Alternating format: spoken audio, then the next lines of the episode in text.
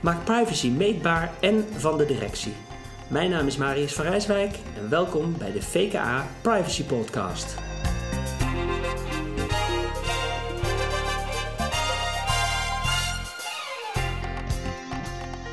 Voordat we start gaan, uh, nog even een mededeling. Na twee jaar en 16 afleveringen is het mooi om de microfoon over te dragen aan mijn zeer gewaardeerde collega Mark Hennen. Hij wordt de nieuwe host van de VKA Privacy Podcast. Hey Mark, leuk dat je dat wilt doen. Geen probleem. Uh, ik ben uh, enthousiast om hiermee uh, aan de slag te gaan.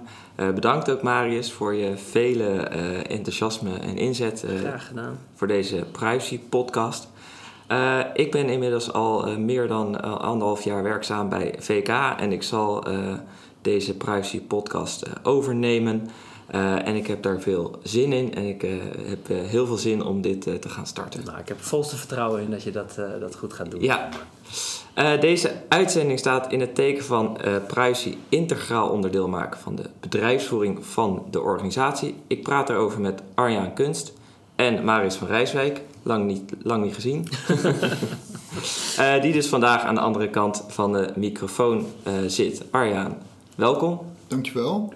Uh, kan je jezelf even voorstellen aan de luisteraars? Uh, mijn naam is Jan Kunst. Ik vertegenwoordig uh, Trustbound GRC. Het is een platform voor privacy en security professionals om de organisatie te ondersteunen. Oké, okay. welkom Marius. Ja, heb ik nog een introductie nodig? nee, nee, nee. Nou, laten we dan gelijk maar even van start gaan.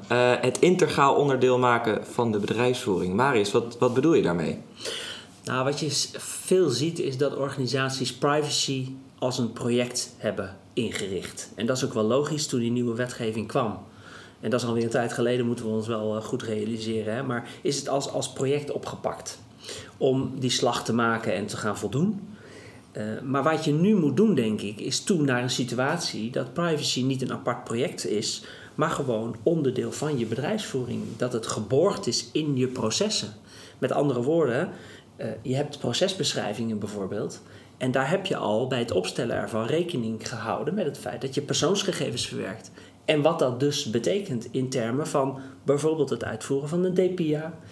Um, of het toepassen van privacy by design principes. Hè. Maar het moet gewoon niet meer een standaard project zijn, denk ik. Het moet net als kwaliteit uiteindelijk, eh, net als, als uh, de effectiviteit van je, van, en de doelmatigheid van je processen, moet privacy ook daar onderdeel van zijn. Ja, en heb jij in jouw ervaring in je organisaties meegemaakt dat uh, het na vier jaar uh, AVG nog steeds als een project wordt gezien? Ja, ja absoluut. En, en dat snap ik ook. Uh, maar goed, nu de basis op orde is gebracht, hè, zal je toe moeten, nogmaals, naar een situatie waarin je gewoon dat niet als apart project meer, meer hebt. Ja, en, en om dat te borgen in de organisatie, hoe, welke stappen moet je daarin ondernemen? Ja, laat, laat ik vooropstellen, hè, het is belangrijk dat je de basis op orde hebt. Want mhm. zonder die, maar dat is, ik denk dat Arjan daar straks ook nog wat over gaat zeggen. Hè, de voorwaarden om überhaupt dat, uh, daar echt stappen in te zetten, is dat je de, de basis op orde hebt. Um, maar controleer eerst uh, dat. Uh, heb je dat op orde, dan kun je even op hoofdlijnen hè, van wie, wat, wanneer. Wie, mhm. nu, wie wil nu waarover geïnformeerd worden als het gaat om privacy? Dat de directie, de gemeentesecretaris, een wethouder, het managementteam. Uh, wie wil nu eigenlijk wat weten over de stand van zaken rondom privacy en security? Kan je daar ook in meenemen namelijk. Um, en de derde stap is dan bepaal dus ook de, de metrics, hè? De, de, de indicatoren op basis waarvan we kunnen zeggen... uh, hey, uh, zo staat het ervoor met, met privacy. Denk bijvoorbeeld aan het aantal incidenten wat er geweest is op, op beveiligingsniveau.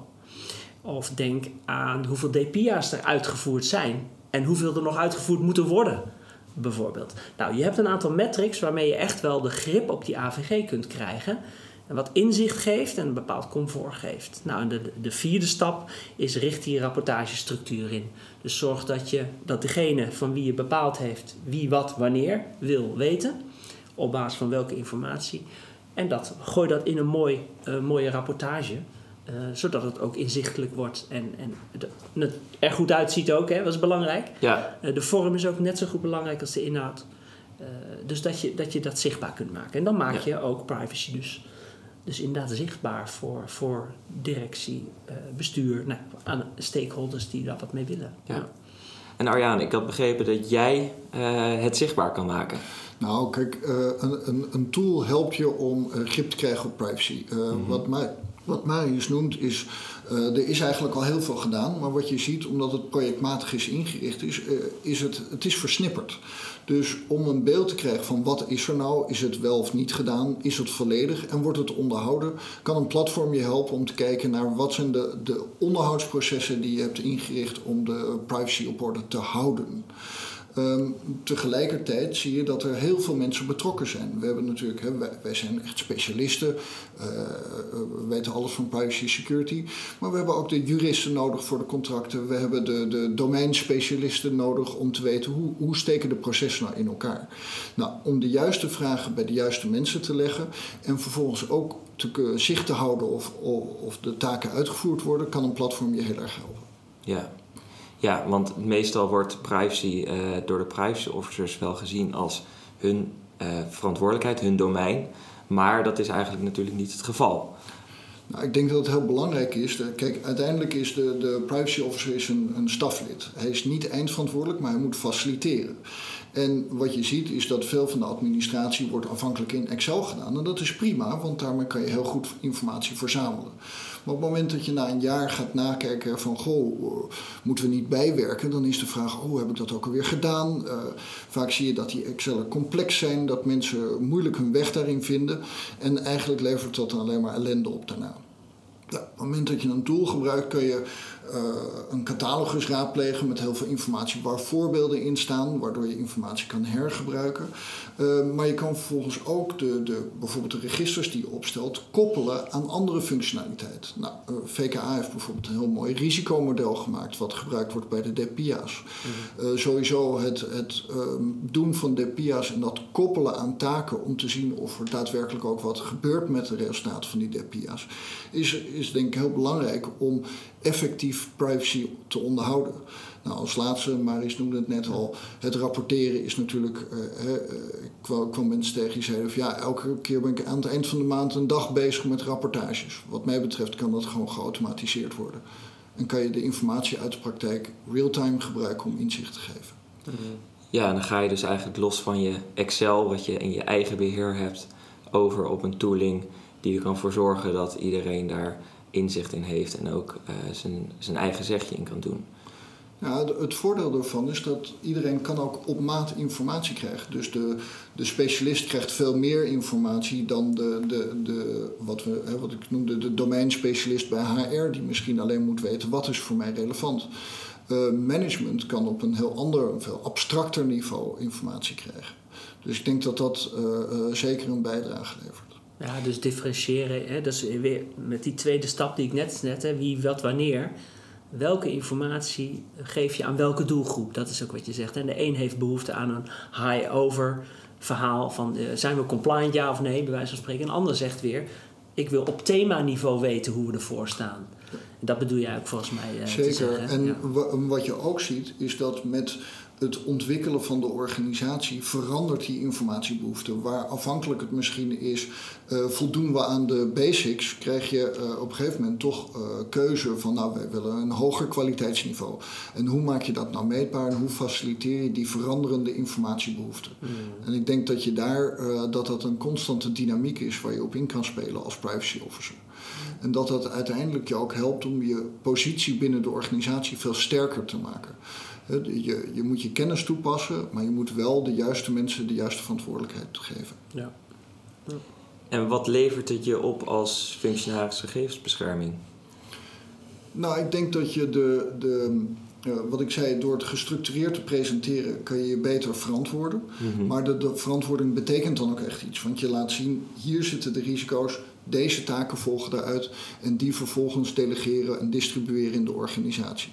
Tegelijkertijd wil het management wil natuurlijk op een abstracter niveau willen ze weten hoe staan we ervoor. Nou, door een bepaalde structuur te kiezen uh, kunnen ze benchmarken, kunnen ze zich uh, bijvoorbeeld aan een model uh, spiegelen en zich daar op een abstracter niveau keuzes over maken. Uh, als laatste, en dat klinkt misschien gek, uh, maar uh, jezelf onmisbaar maken is denk ik ook belangrijk. je moet zorgen dat jij niet het enige kennispunt in de organisatie bent, maar dat ook jij de vrijheid krijgt om, om door te ontwikkelen zonder dat kennis van jou afhankelijk is. Ja, in aanvulling daarop denk ik, Arjan, is ook als functionaris gegevensbescherming heb je rondom die privacy best soms een abstracte rol. Je staat al wat verder af, hè, de toezichthoudende rol. Dus, dus juist door zo'n rapportage, eh, door dat inzichtelijk maken, profileer je jezelf ook als, als een key iemand binnen die organisatie, denk ik. Hè? En dat maakt je dus jouw werk ook, ook zichtbaarder richting die, die stakeholders. Ehm, en, en ik denk een neveneffect is ook wel, want je, je bent er niet zomaar. Zo'n rapportage stel je in overleg op met de betrokkenen, met die stakeholders. Dus ook daar begint al een stuk awareness. Hè? Dat gesprek aangaan over die rapportage, over wat ze willen zien. Ehm, dat is ook al een awareness ding. Hè? Dus dat, dat pak je eigenlijk in die slipstream mee. En, en in mijn eigen ervaring als functionaris gegevensbescherming in zo'n traject... Ehm, heb ik ook wel gemerkt dat je ze daarin wel echt heel erg actief, proactieve rol van jou wordt verwacht om ze mee te nemen. Want soms weten ze niet wat ze willen weten. Dat klinkt heel gek, hè? Eh, maar je moet ze meenemen in dat proces, uh, zodat zij ook uh, uiteindelijk zeggen: Oké, maar ik wil weten hoeveel DPIA's er zijn en welke risico's ik daarmee loop. Ik wil weten hoe het met het register ervoor staat en hoeveel verwerkingen we nog missen misschien. dus dat je meer in risico's gaat praten met ze over privacy. Nou, en dat, nou, dat, in dat traject creëer je enorm veel awareness. Ja, ja, een van de zaken die een uh, functionaris gegevensbescherming natuurlijk moet doen, is het opleveren van een jaarverslag. Ja. Uh, Marius, kan je daarin iets meer uitweiden over hoe dan zo'n GRC-tooling je daarbij zou kunnen helpen om dat vorm te geven? Ja, ik, maar dat kun jij denk ik aanvullen, Arjan. Ik denk dat je, dat is feitelijk, als je het goed hebt ingericht, je fundament. Eh, voor je jaarverslag. Hè? En, en um, Arjan, die zei net over Excels. Hè? En, en, dat moet je allemaal mee bijhouden handmatig. En dat is een, best wel een intensief klus. Zeker over een periode van een jaar. En dat wordt door de alledaagse, hè, de, de, dagelijkse gang van zaken nog wel, schiet dat er nog wel eens bij in. Dat heb ik zelf ook wel ervaren.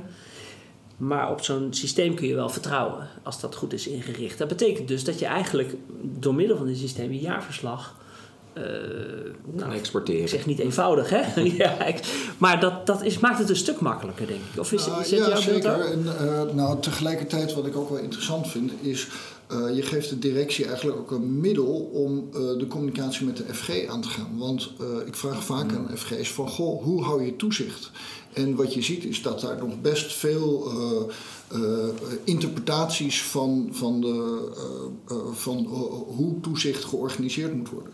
Nou, ik denk dat het voor een directie heel prettig is om van tevoren te weten hoe gaat toezicht, op welk moment en volgens welke structuur gaat toezicht plaatsvinden. Waardoor het ook voorspelbaar wordt en zij kunnen anticiperen met hun budgetten, met hun planning op de toezichtmomenten die de FG duidelijk uh, communiceert en aangeeft. Dus ik denk dat het zowel voor de FG helpt om zijn positionering te verbeteren, maar ook voor het bestuur helpt om misschien wel een beetje kritisch naar de FG te zijn van uh, wat betekent dat nou eigenlijk toezicht? Ja. En hoe, maak ik, hoe meet ik de kwaliteit van mijn FG zelf? En ik denk dat dat een leuke wisselwerking is die, die je veel explicieter maakt door, door het inzetten van een goede structuur. Ja. Ja. Ja, mee eens hoor. Ja, nou, dat klinkt allemaal heel mooi. Maar laten we nog even een stapje terugnemen. Want, want ik hoorde jou zeggen, Marius, van je, je wilt het zichtbaarder maken. Ja. En ik hoorde je net ook wat metrics uh, noemen en, en wat indicatoren. Mm -hmm. Hoe maak je privacy, wat toch vaak een abstract onderwerp klinkt, uh, hoe maak je dat meetbaar? Ja, door, door wel het gesprek aan te gaan, denk ik, met die business. Mhm. met bestuur. Hè, van waar zijn, wat is je risk appetite? Hè, wat is de, welke risico's wil je wel of niet aangaan? Nou, dat is nog abstract, hè, maar dan benoem ze dan ook bijvoorbeeld. Hè, welke, welke risico's loop je als bestuurder of als gemeentesecretaris of als directeur op het moment dat je uh, DPIA's niet uitvoert op risicovolle processen? Dan, dan, heb je dus geen inzicht. En geen inzicht is erger dan wel inzicht hebben en weten dat het niet goed zit, lijkt mij. Hè? Ja. Ehm, kan je een voorbeeld noemen van een risico wat een bestuurder kan lopen als bijvoorbeeld een DPIA niet gedaan is? Nou ja, stel dat je cameratoezicht hebt toegepast, maar je hebt daar geen DP op uh, uitgevoerd. En stel eh, in de veronderstelling dat, dat cameratoezicht uh, eigenlijk ook, ook een, een onvoldoende basis biedt, in termen van, van proportionaliteit op subsidiariteit, dan heb je feitelijke onrechtmatige verwerking. Nou ja, als daar klachten over binnenkomen, of, of de autoriteit persoonsgegevens zou dat vaststellen, ja, dan, dan loop je toch een, een risico op, op een reprimande. Hè. En het zal niet gelijk tot boetes leiden, maar je hebt wel en, misschien ook reputatierisico, hè? Dat, dat kan van alles zijn. Uh, dus ja, dat soort risico's kwalificeer je dan. Ja. Uh, en dat maakt denk ik die bewustwording voor, voor het onderwerp groter. Ja, kan je daar zomaar mee beginnen? Ja, ik, ik, ik weet niet hoe Ayan daarover denkt, maar ik denk dat klein beginnen, laat ik zo zeggen, ik draai het om. Probeer nou niet de heilige graal helemaal af te hebben voordat je het kenbaar maakt aan de organisatie. Hè? neem je stakeholders mee in die ontwikkelfasen. Hoe klein ook. Misschien begin je met alleen te zeggen hoe het met het register ervoor staat. en, en, doe je een twee maanden later ook nog de DPA's erbij. En doe je daarna ook nog de datalekken erbij, of andersom. Hè? Maar begin ook klein, want het is ook een iteratief proces. En je zult zien dat die, die wens vanuit die organisatie ook meebeweegt in die ontwikkeling. Ik denk als je dat doet, dat je het best of both worlds eigenlijk hebt. Maar ik weet niet, Arjan, ja, ik wil dat, dat zeker aanvullen. Want die, um, kijk, uiteindelijk denk ik dat het inrichten van een goede PDCA-cyclus, waarin je periodiek je eigen werk evalueert, um, uh, heel belangrijk is. Uh, ik vind dat een mooi voorbeeld bewaartermijnen. als je een, een kleine inventarisatie in een middelcomplexe organisatie hebt, heb je zo 80 applicaties. Wil je op een goede manier bewaartermijnen doorvoeren, is wat mij betreft, hoef je niet meteen alle 80 uh, te, te gaan scannen. Maar maak een beleid waarin je zegt: we pakken de top 5, we gaan daar bewaartermijnen doorvoeren, we maken dat zichtbaar. En we doen een evaluatieproces waarin we over een half jaar kijken: moeten we misschien een nieuwe, moeten we de scope uitbreiden? En um, uh, ook de DPIA's zijn wat mij betreft er wordt, uh, privacy heeft heel erg de sfeer van mag niet en kan niet. Terwijl het volgens mij juist gaat over verantwoorden en inzichtelijk maken wat je afwegingen zijn geweest. Dus er mag heel veel wel. Betekent, weer over die bewaartermijn, als jij een bepaald budget hebt, dan binnen de mogelijkheden moet je laten zien dat je dat effectief toepast.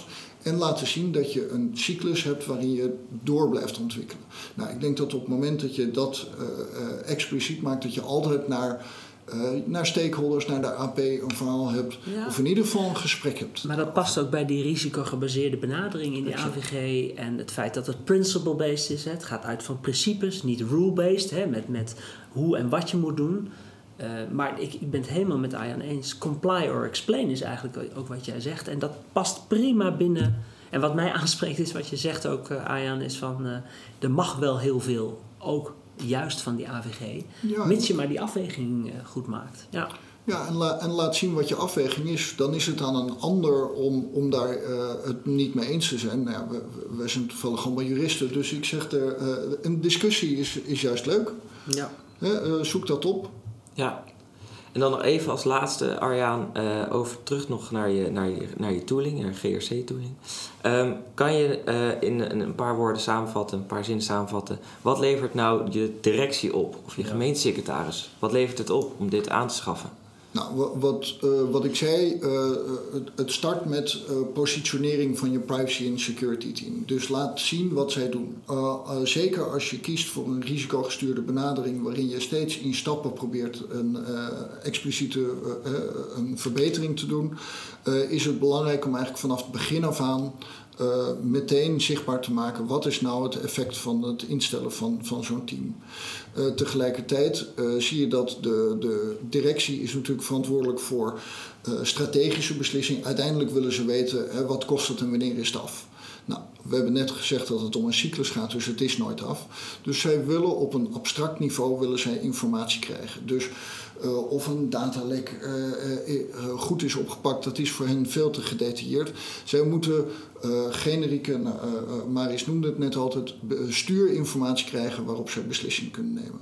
Nou, door, door een, een, platform te gebruiken kan je die eigenlijk real-time aanbieden en de bestuurder heel gericht faciliteren en meenemen in die beslissing. Oké. interessant. Lijkt me voor elke organisatie. Ehm, daar zijn, daarbij zijn we aan het einde gekomen van de podcast. Ehm, ik denk dat het, uh, dat het verstandig is om, uh, om inderdaad te gaan kijken naar je stakeholders en wanneer je uh, en wat je precies wil gaan van rapporteren. ik denk dat jouw GRC-tooling daar zeker een rol in kan spelen in het zichtbaar maken en meetbaar maken van hoe ga je dat nou richting alle stakeholders communiceren.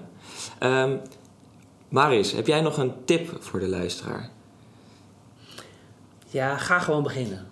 Begin klein, uh, maar ga, ga beginnen. Ga beginnen. Arjaan. Stenen bouwen. um, nou, wees niet bang om uh, keuzes te maken. Uh, als je kan onderbouwen, um, ik zeg altijd, privacy is, is misschien lastig, maar het is zeker niet moeilijk. Dus als jij zelf een goede argument, argumentatie hebt om een bepaalde keuze te maken, uh, uh, verschillende belangen afwegen, dan zit je vaak al goed. Oké. Okay. Bedankt dat je hier aan deel wilde nemen. Marius, jij ook bedankt. Ja, bedankt. Ja. bedankt voor de uitnodiging. Uh, altijd leuk om over Trustman en GRC te vertellen. Dit is het einde van de Privacy Podcast. Uh, in de show notes vindt u meer informatie over het integraal onderdeel maken van de bedrijfsvoering en de GRC tooling Trustbound. Vragen en opmerkingen zijn altijd welkom. Uh, dat kan je stellen via privacy.vka.nl. Mocht je geïnteresseerd zijn, laat het dan ons weten. Deze podcast kunt u vinden op iTunes, Spotify en SoundCloud. Tot de volgende uitzending.